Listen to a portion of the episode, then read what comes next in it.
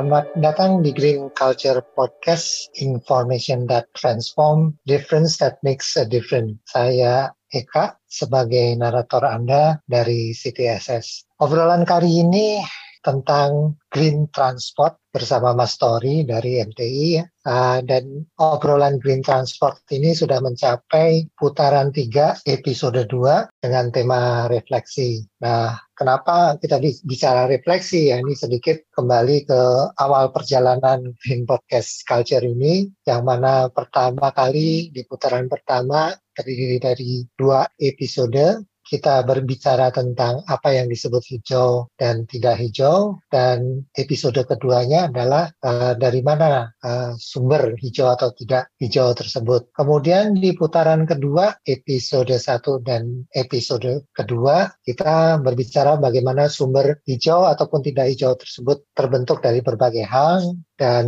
bagaimana atau elemen apa yang ada dalam pembentukan uh, sumber tersebut yang kita bisa gunakan sebagai tuas atau leverage ya, untuk mempertahankan hijau atau mengungkit dari yang tidak hijau menjadi hijau. Nah, kemudian putaran ketiga itu di episode pertama kita bicara tentang pendanaan dan dengan selesainya putaran tiga episode kedua berarti sudah lengkap dan berikutnya adalah di putaran tiga episode kedua ini kita bicara tentang apa sih yang kita omongin yang kurang lebih berkisar tentang apa yang dimaksud dengan hijau, apa yang dimaksud dengan tidak hijau, dan bagaimana membuat gerakan hijau ini makin masif, makin merakyat. Kali ini Budami tidak sehadir, jadi saya akan langsung menyapa kepada co-host Mas Tori ya, dari MTI. Selamat sore Mas. Selamat sore Mas Eka Satya Putra dari CTSS ICB.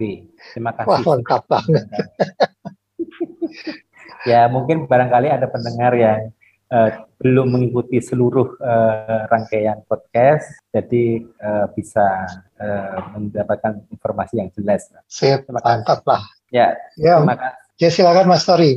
Oh lanjut ya, ya baik. Ya. Terima kasih ini uh, masyarakat transportasi Indonesia wilayah DKI Jakarta sudah diundang oleh CTSS IPB dan Yayasan Pena Bulu dalam Green Culture Podcast Series ini uh, suatu kehormatan bagi kami. Apalagi uh, temanya adalah transportasi hijau yang merupakan uh, metafora ya atau bentuk lain dari sustainable transport yang memang merupakan konsep yang sudah sejak 1995 dipromosikan oleh masyarakat transportasi Indonesia untuk menjadi mainstream kebijakan dan program serta agenda pembangunan transportasi di Indonesia. Jadi kalau refleksinya ya Mas uh, Eka tadi ya, uh, kita kemarin sudah ngomongin ya uh, tentang hijau dan tidak hijau, dilihat dari perspektif infrastruktur. Waktu itu teman kami Mbak Retno Pradana Ambarsari dari MTI Jakarta yang memang peneliti senior MTI Jakarta untuk kebijakan infrastruktur transportasi itu mengatakan bahwa eh, hijau tidak hijaunya sistem transportasi kita itu juga sangat dipengaruhi oleh infrastruktur yang dibangun. Kalau infrastruktur yang dibangun itu semuanya habis dipakai atau diagendakan atau diperuntukkan untuk uh, sistem transportasi yang tidak hijau, ya pasti sistemnya akan tidak hijau. Contohnya, kalau ruas jalan dari mulai dinding ke dinding eh, gedung-gedung yang memagari jalan tersebut itu semuanya habis digunakan untuk aspal, maka yang akan menggunakan di situ yang paling bisa dengan nyaman menggunakannya adalah kendaraan pribadi, baik itu mobil maupun motor pejalan kaki, anak-anak kecil yang ingin bermain pasti kapok untuk uh, memanfaatkan jalan tersebut untuk keperluan mereka. Apalagi para penyandang cacat ataupun orang-orang tua. Padahal kita tahu bahwa semua dari kita itu mulainya dari masa kecil kita dulu, kemudian semuanya juga kemungkinan berakhir sebagai lansia yang jalan 100 meter aja sudah ngos-ngosan, atau kemudian uh, jalan kaki nggak bisa cepat-cepat, harus banyak istirahat dan sebagainya. Nah, jadi itu diingatkan oleh Mbak Retno bahwa infrastruktur itu memainkan peranan yang sangat penting. Dan infrastruktur transportasi ini dampaknya tidak hanya lokal, tapi regional dan juga internasional. Gitu. Karena kalau kita lihat sekarang eh, pembangunan tol, jalan tol yang banyak eh, di daerah-daerah itu sekarang digenjot oleh pemerintah itu memberikan konektivitas dari satu region ke region yang lain ya untuk memberikan akses yang lebih baik, konektivitas yang lebih baik, sehingga terjadi pertukaran uh, orang, barang, dan jasa antar dua region gitu. Tetapi tentu saja uh, pembangunan jalan tol itu juga memberikan dampak yang signifikan terhadap landscape uh, tata ruang dan lingkungan hidup fisik ya, seperti hutan, gunung, lembah, yang kemudian nanti apabila tidak dilakukan uh, tindakan yang asertif uh, untuk melestarikan kegiatan-kegiatan hijau, natural, alamiah di dalam konteks ruang tersebut, maka uh, keberadaan tol itu akan menjadi disrupsi atau memberikan dampak negatif terhadap lingkungan hijau yang dilewatinya. Kemarin Mbak Retno memberikan contoh adanya jalur gajah yang sengaja dibangun di bawah uh, tol di Jambi sana sebagai bagian dari tol uh, Trans Sumatera. Nah itu yang seperti itulah uh, infrastruktur pentingnya infrastruktur uh, di dalam di dalam uh, dalam hijau dan tidak hijau memberikan warna hijau dan tidak hijaunya sistem transportasi yang nanti kita uh, gunakan. Itu Mas Reka.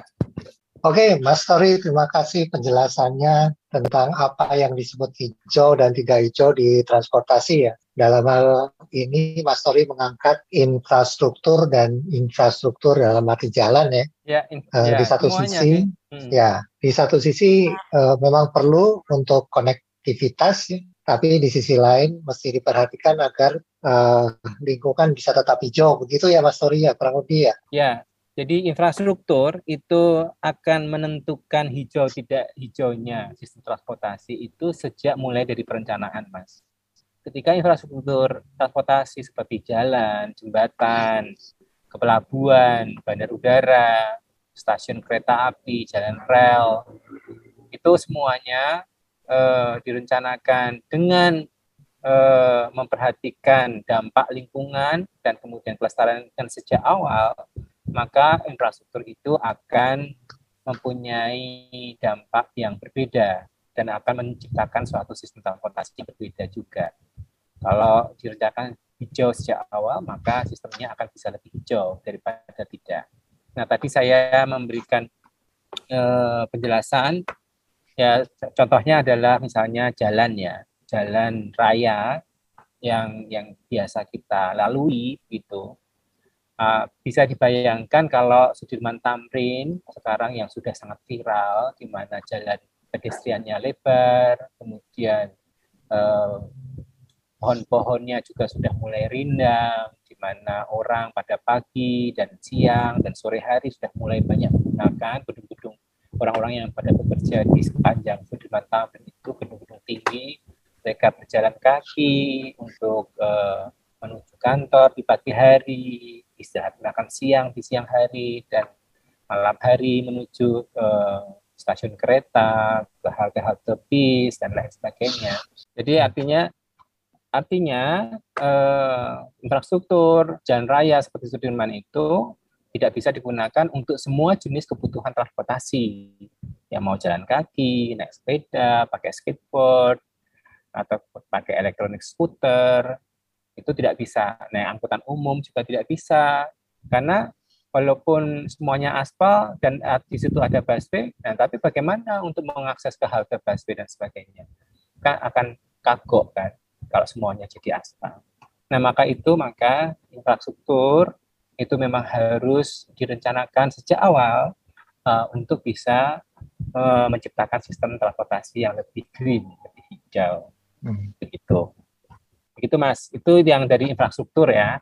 Uh, terus kemudian yeah. kita juga ngomong dari sisi layanan transportasinya itu sendiri. Waktu itu Mbak IB ya, Mbak uh, IB itu memberikan bahwa ketika kita merencanakan suatu layanan itu kita juga harus keep in mind sejak awal bahwa di sana juga akan akan digunakan oleh semua jenis golongan masyarakat, baik itu kelas sosial, kemudian kondisi sosial maupun juga kondisi personalnya, apakah dia wanita, pria, eh, disabilitas, eh, dan kemudian juga eh, segala macam usia, eh, background eh, sosial dan ekonomi itu, itu juga harus eh, direncanakan eh, sedemikian rupa. Sehingga layanan misalnya layanan angkutan umum layanan angkutan umum itu harus direncanakan secara excellent. Jadi bukan uh, layanan angkutan umum itu bukan diciptakan atau direncanakan untuk orang miskin, bukan. Tetapi adalah layanan angkutan umum itu harus digunakan se, uh, direncanakan sebaik-baiknya sehingga orang kaya pun tidak uh, tidak enggan untuk menggunakannya. Gitu. Nah, itu yang uh, juga uh, sudah mulai banyak ya di diupayakan tidak hanya di Jakarta tapi di kota-kota yang lain juga sudah mulai banyak uh, layanan angkutan umum terutama layanan angkutan bis itu sudah mulai diperbaiki di Jogja, di Semarang, di Surabaya, di Solo uh, dan di banyak kota lain itu sudah mulai melakukan perbaikan layanan-layanan. Nah ini yang kemarin Mbak Ibe ya Indrapati ini uh, mengingatkan bahwa perencanaan sejak awal itu uh, layanan itu menjadi sangat penting karena layanan yang mengisi infrastruktur yang ada itu juga harus direncanakan secara hijau agar nanti menjadi sistem yang hijau. Nah, yang menarik itu adalah yang diingatkan oleh Mbak Ibe itu perencanaan layanan transportasi itu sangat maskulin. Kebanyakan uh, di bukan karena di, dikerjakan oleh laki-laki maskulinnya itu bukan, tetapi adalah dilakukan dengan mindset patriarkal gitu. Nah itu yang uh, yang sangat menarik dan uh, kenapa saya mendorong Mbak Ibe selaku uh, senior in apa uh, senior researcher uh, untuk uh, kebijakan transportasi di MPI Jakarta untuk uh, memberikan materi tersebut. Mungkin itu pas uh, beberapa ya, hal ya. yang mungkin bisa jadi refleksi ya buat kita semua. Ya. transportation. Ya, kan kita ambil contoh adalah infra dan layanan ya, dan yang pesan yang uh, Mas Tori sampaikan adalah dari awal itu sudah harus uh, hijau, kalau tidak ya hmm. repot gitu ya. Dan uh, tapi Mas Ari kan juga menyebutkan ya ini uh, sebenarnya untuk mengubah kepada hijau pun sekarang sudah banyak dilakukan ya inisiatif ya dari yang hmm. tidak hijau ke hijau ya. Uh, nah ini kira-kira apakah berarti itu awalnya tidak hijau, kemudian di tengah jalan sadar bahwa harus hijau, kemudian di diubah menjadi hijau seperti itu.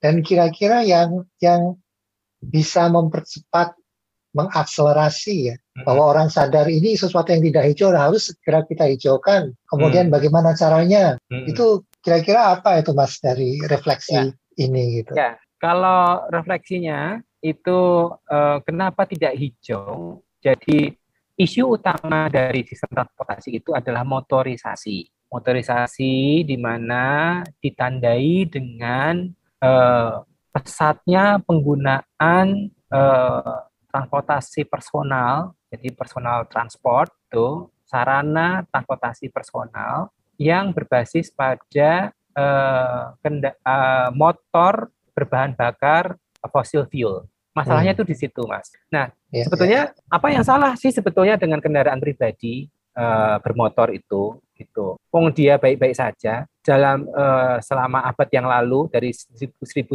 sampai 2, uh, 2000 100 tahun mereka baik-baik saja, meningkatkan ekonomi dunia sampai 6-7 kali lipat, menurunkan jumlah pop, uh, populasi miskin itu berlipat-lipat dengan sangat cepat dibandingkan abad-abad sebelumnya. Seapa masalahnya gitu? Sebetulnya eh, banyak juga manfaat dari personal mobility ini. Itu eh, dalam kehidupan ma manusia ya dan peradaban manusia itu manfaatnya besar. Tetapi eh, sepertinya eh, sejak awal itu tidak ada pemahaman bahwa dampak-dampak eh, itu harus diperhatikan eh, secara seksama sehingga bisa uh, sistem yang kita kembangkan itu bisa berkelanjutan.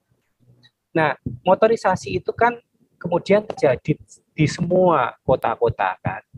Jadi orang ya yang dulu cuma jalan kaki, naik angkot, kemudian naik sepeda, ya kepengen lah punya sepeda motor. Uh, jadi mobilitas dia tidak terbatas uh, hanya karena kecapean jalan kaki atau kecapean genjot sepeda atau kemudian nunggu uh, angkot yang uh, miring ke kiri katanya Iwan Fals gitu kan itu karena saking banyaknya orang begitu karena dia bisa membuat mempunyai kebebasan yang uh, lebih uh, lebih tinggi lagi untuk mengakses kegiatan ekonomi, sosial, budaya yang dia inginkan.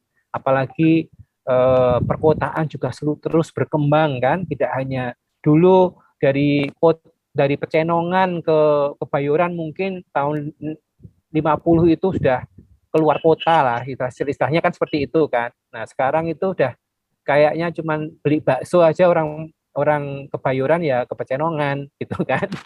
Dan kemudian kalau mau kongko-kongko ke kafe di Sonopati orang Pecenongan ya pergi ke Kebayoran gitu dengan sangat mudahnya karena personal mobility tadi. Jadi itulah pas uh, jadi ada trade off lah ya ada trade off bahwa di satu sisi memberikan kebebasan di mana kebebasan itu juga me memicu uh, pertumbuhan ekonomi memicu pertumbuhan uh, kehidupan sosial. Dan kemudian peradaban itu juga uh, sedikit banyak juga berkembang sampai kita punya internet, kita punya apa globalisasi ekonomi dan sebagainya. Karena sedikit banyak juga didukung oleh perkembangan sistem transportasi. Nah, masalahnya adalah kemudian semuanya berbasis fossil fuel, di mana memberikan dampak negatif. Uh, dan kemudian juga personal uh, kendaraan pribadi itu memang paling efektif dan paling efisien secara kebebasan bertransportasi, tetapi paling boros ruang jalan. Begitu. Jadi hmm. kalau eh, satu kilometer itu diisi sama mobil berisi satu orang, itu akan habis eh, penuh dengan mobil dibandingkan dengan kalau semua orang di dalam mobil-mobil yang memenuhi satu kilometer jalan itu dikumpulkan jadi satu di dalam satu bis. Nah itu yang yang seperti itulah yang kemudian menjadi struggle dan kebebasan e, bertransportasi itu kan juga political commodity kan. Kalau kemudian itu makanya itu inersianya itu akan sangat sulit uh, uh, untuk kemudian dibalik uh, terus uh, dengan cepat ya, kayak seperti membalikkan tangan gitu dalam waktu yang sekejap. Nah ini yang uh, membuat hal-hal semacam uh, yang dianggap kurang green itu tidak bisa dengan mudah uh, dirubah. Tetapi uh, nature-nya atau kemudian fitrahnya manusia itu kan adalah survival ya Mas Eka ya. Ketika kemudian hmm. suatu hal yang menyebabkan uh, hal negatif itu berulang-ulang dan kemudian dirasakan oleh lebih semakin banyak orang, maka itu juga menjadi political commodity dan political pressure untuk kepada manajer-manajer perkotaan mengambil keputusan, pemegang kebijakan untuk melakukan perubahan. Nah, itu mah makanya uh, sekarang sudah mulai nih tampak dimulai dari Jakarta dengan busway-nya, uh, kemudian disusul dengan Surabaya dengan pedestrianisasinya, dan kemudian realokasi PKL-nya, terus kemudian disusul terus sama daerah-daerah yang lain, maka kemudian fitur-fitur dari sustainable transport yang biasa dipromosikan oleh masyarakat transportasi Indonesia sejak tahun 1995 itu sudah menjadi mainstream. Bahkan uh, mewujudkan transportasi yang berkelanjutan itu sudah menjadi target yang umum di dalam RPJMD maupun di dalam rencana uh, tatanan transportasi lokal maupun wilayah tatralog tatlawil yang ada di daerah-daerah. Begitu, Mas. Oke, okay. uh, berarti yang yang bisa saya uh, sarikan dari uh, pemaparan Mas Tori ini adalah bahwa tidak hijau itu karena memang perilaku uh, manusianya ya, yang tadi uh, ya istilahnya ingin kenikmatan tuh wajar bagi semua orang gitu lah ya.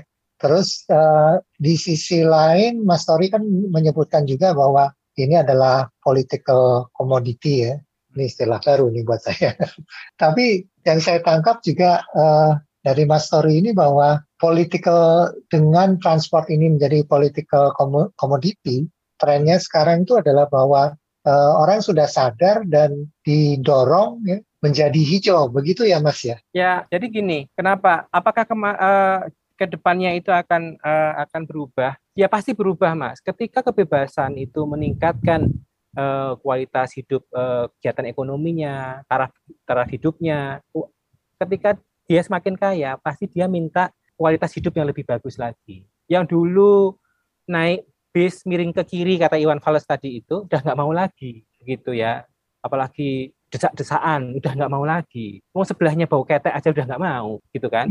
Nah sehingga itu menjadi pressure. Kalau pressernya sudah populis gitu populer gitu jadi populasi sudah memberi pressure itu menjadi komoditi politik kan. Nah tinggal politikus yang ini ya yang mikirnya benar gitu kemudian mengambil itu oh ya ini berarti memang masyarakat ingin bagus ya udah saya perbaiki. Uh, duitnya yang triliunan itu dipakai untuk perbaikan. Itu APBN yang ratusan miliar seperti yang Semarang itu dipakai untuk penyediaan angkutan umum. Angkutan umumnya bisa lebih bagus. Nah itu yang uh, itu keniscayaan mas. Keniscayaan. Karena ya orang juga nggak mau terus-terusan macet-macetan gitu. Sehingga itu itu akan akan menjadi keniscayaan. Ditambah lagi dua tahun ini ada covid maka kemudian itu akan merubah merubah or, uh, pola transportasi orang yang dulunya sangat-sangat dependent nah ya, tergantung pada mobilitas personal, kendaraan pribadi. Sekarang mereka sudah uh, punya banyak pilihan, apalagi di kawasan urban seperti sekarang. Seperti kita ini. Ya kita nggak usah ketemu. Saya di Tangerang, Mas Eka di mana gitu, kita bisa bikin podcast. Ya kan? Apalagi kemarin juga saya di Bali juga nggak apa-apa. Uh, kita bisa bikin podcast. Nah, yang teknologi yang di uh, apa dikatalisasi dengan adanya pandemik ini nanti akan merubah ya pasti akan ada perubahan mobilitas uh, orang yang kemudian nanti akan mengurangi vehicle kilometer trip dan akan mengurangi polusi udara, akan merubah sistem transportasi dan akan semakin hijau uh, ke depannya. Begitu. Baik, Mas Tori. Jadi kalau mendengar pemaparan Mas Tori ini saya optimis banget ya. Jadi sepertinya antara kalau boleh saya bilang ya antara pengguna atau ya pengguna transport dengan yang memiliki kebijakan transport ini ada hubungan timbal balik ya. Dan yeah, kalau iya. penggunanya yeah. sudah merasakan harus hijau ya eh, apa pemangku kebijakan pun harus mengikuti bahwa harus ada perubahan untuk arah yang lebih hijau gitu ya. Iya, iya dong. Uh, mereka harus me merespon itu agar tetap uh, tetap relevan, tidak obsolete. Nah, kalau dia tidak merespon, dia akan pasti ditinggal sama politikus-politikus muda, pemimpin-pemimpin muda, orang-orang yang lebih responsif terhadap zaman, tuntutan zaman, tuntutan masyarakat, begitu. Hmm. Ya itu kita sudah punya cerita ya, pemimpin-pemimpin besar kita seperti Pak Karno, Pak Harto aja jadi obsolete ketika mereka tidak merespon uh, hmm tuntutan zamannya. Pada zamannya iya. dulu gitu ya. Iya. gitu. Apalagi kalau tuntutannya itu populis gitu ya. Enggak, iya itu makanya iya. itu uh, uh, itu. Oke oke oke. Paham saya paham. Ya jadi kan intinya, kalau kita yang NGO NGO ini kan hanya cuman mengendorse agar menjadi popul apa isunya jadi populer. Orangnya nah, saya itu. kayak saya nggak perlu populer nggak perlu. Tapi isunya sustainable transportnya itu nggak pop, jadi populer. Nggak pengen macet itu jadi populer nggak nggak harus punya mobil itu jadi populer begitu. Nah, yang anu yang bisa selfie di di uh, pedestrian, pedestrian is the ultimate catwalk.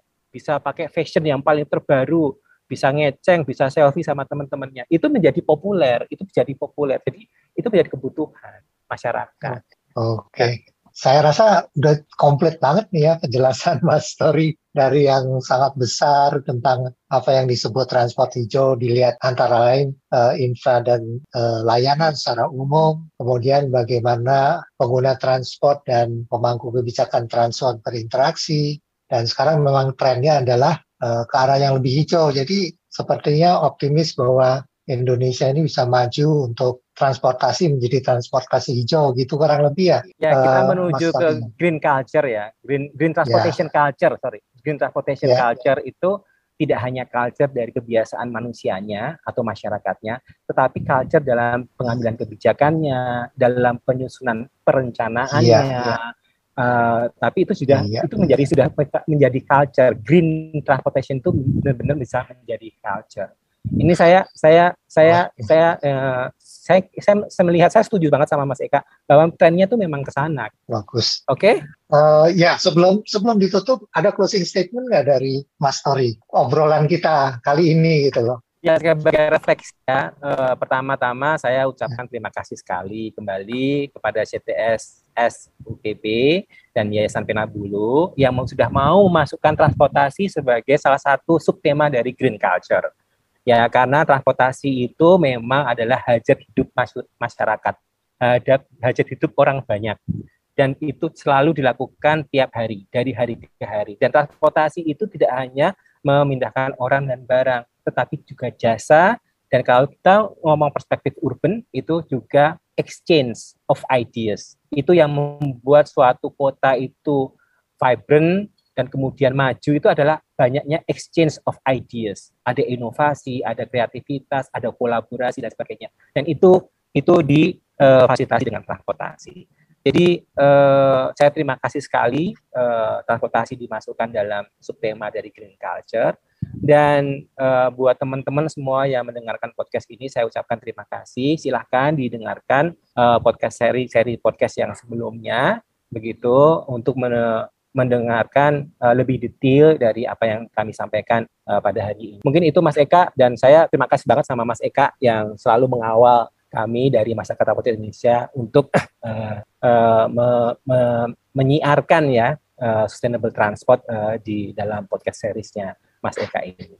Terima kasih. Terima kasih kembali Mas atas partisipasinya. Kita juga sangat senang nih mendapatkan berbagai penjelasan dan ilmu dari Mas Tori ya. Oke, jadi uh, bagi para pendengar setia podcast Green Culture, walaupun ini adalah uh, episode terakhir putaran ketiga yang juga menutup uh, perjalanan Green Culture Podcast kali ini, tapi diharapkan masih akan ada entah gimana platform lain yang kita bisa membahas dan agar perubahan menjadi hijau ini tetap berkelanjutan. Terima kasih dan Semoga bisa bertemu di platform lain. Terima kasih Mas Eka, teman-teman Terima kasih Mas Tori. Ya, salam transportasi hijau.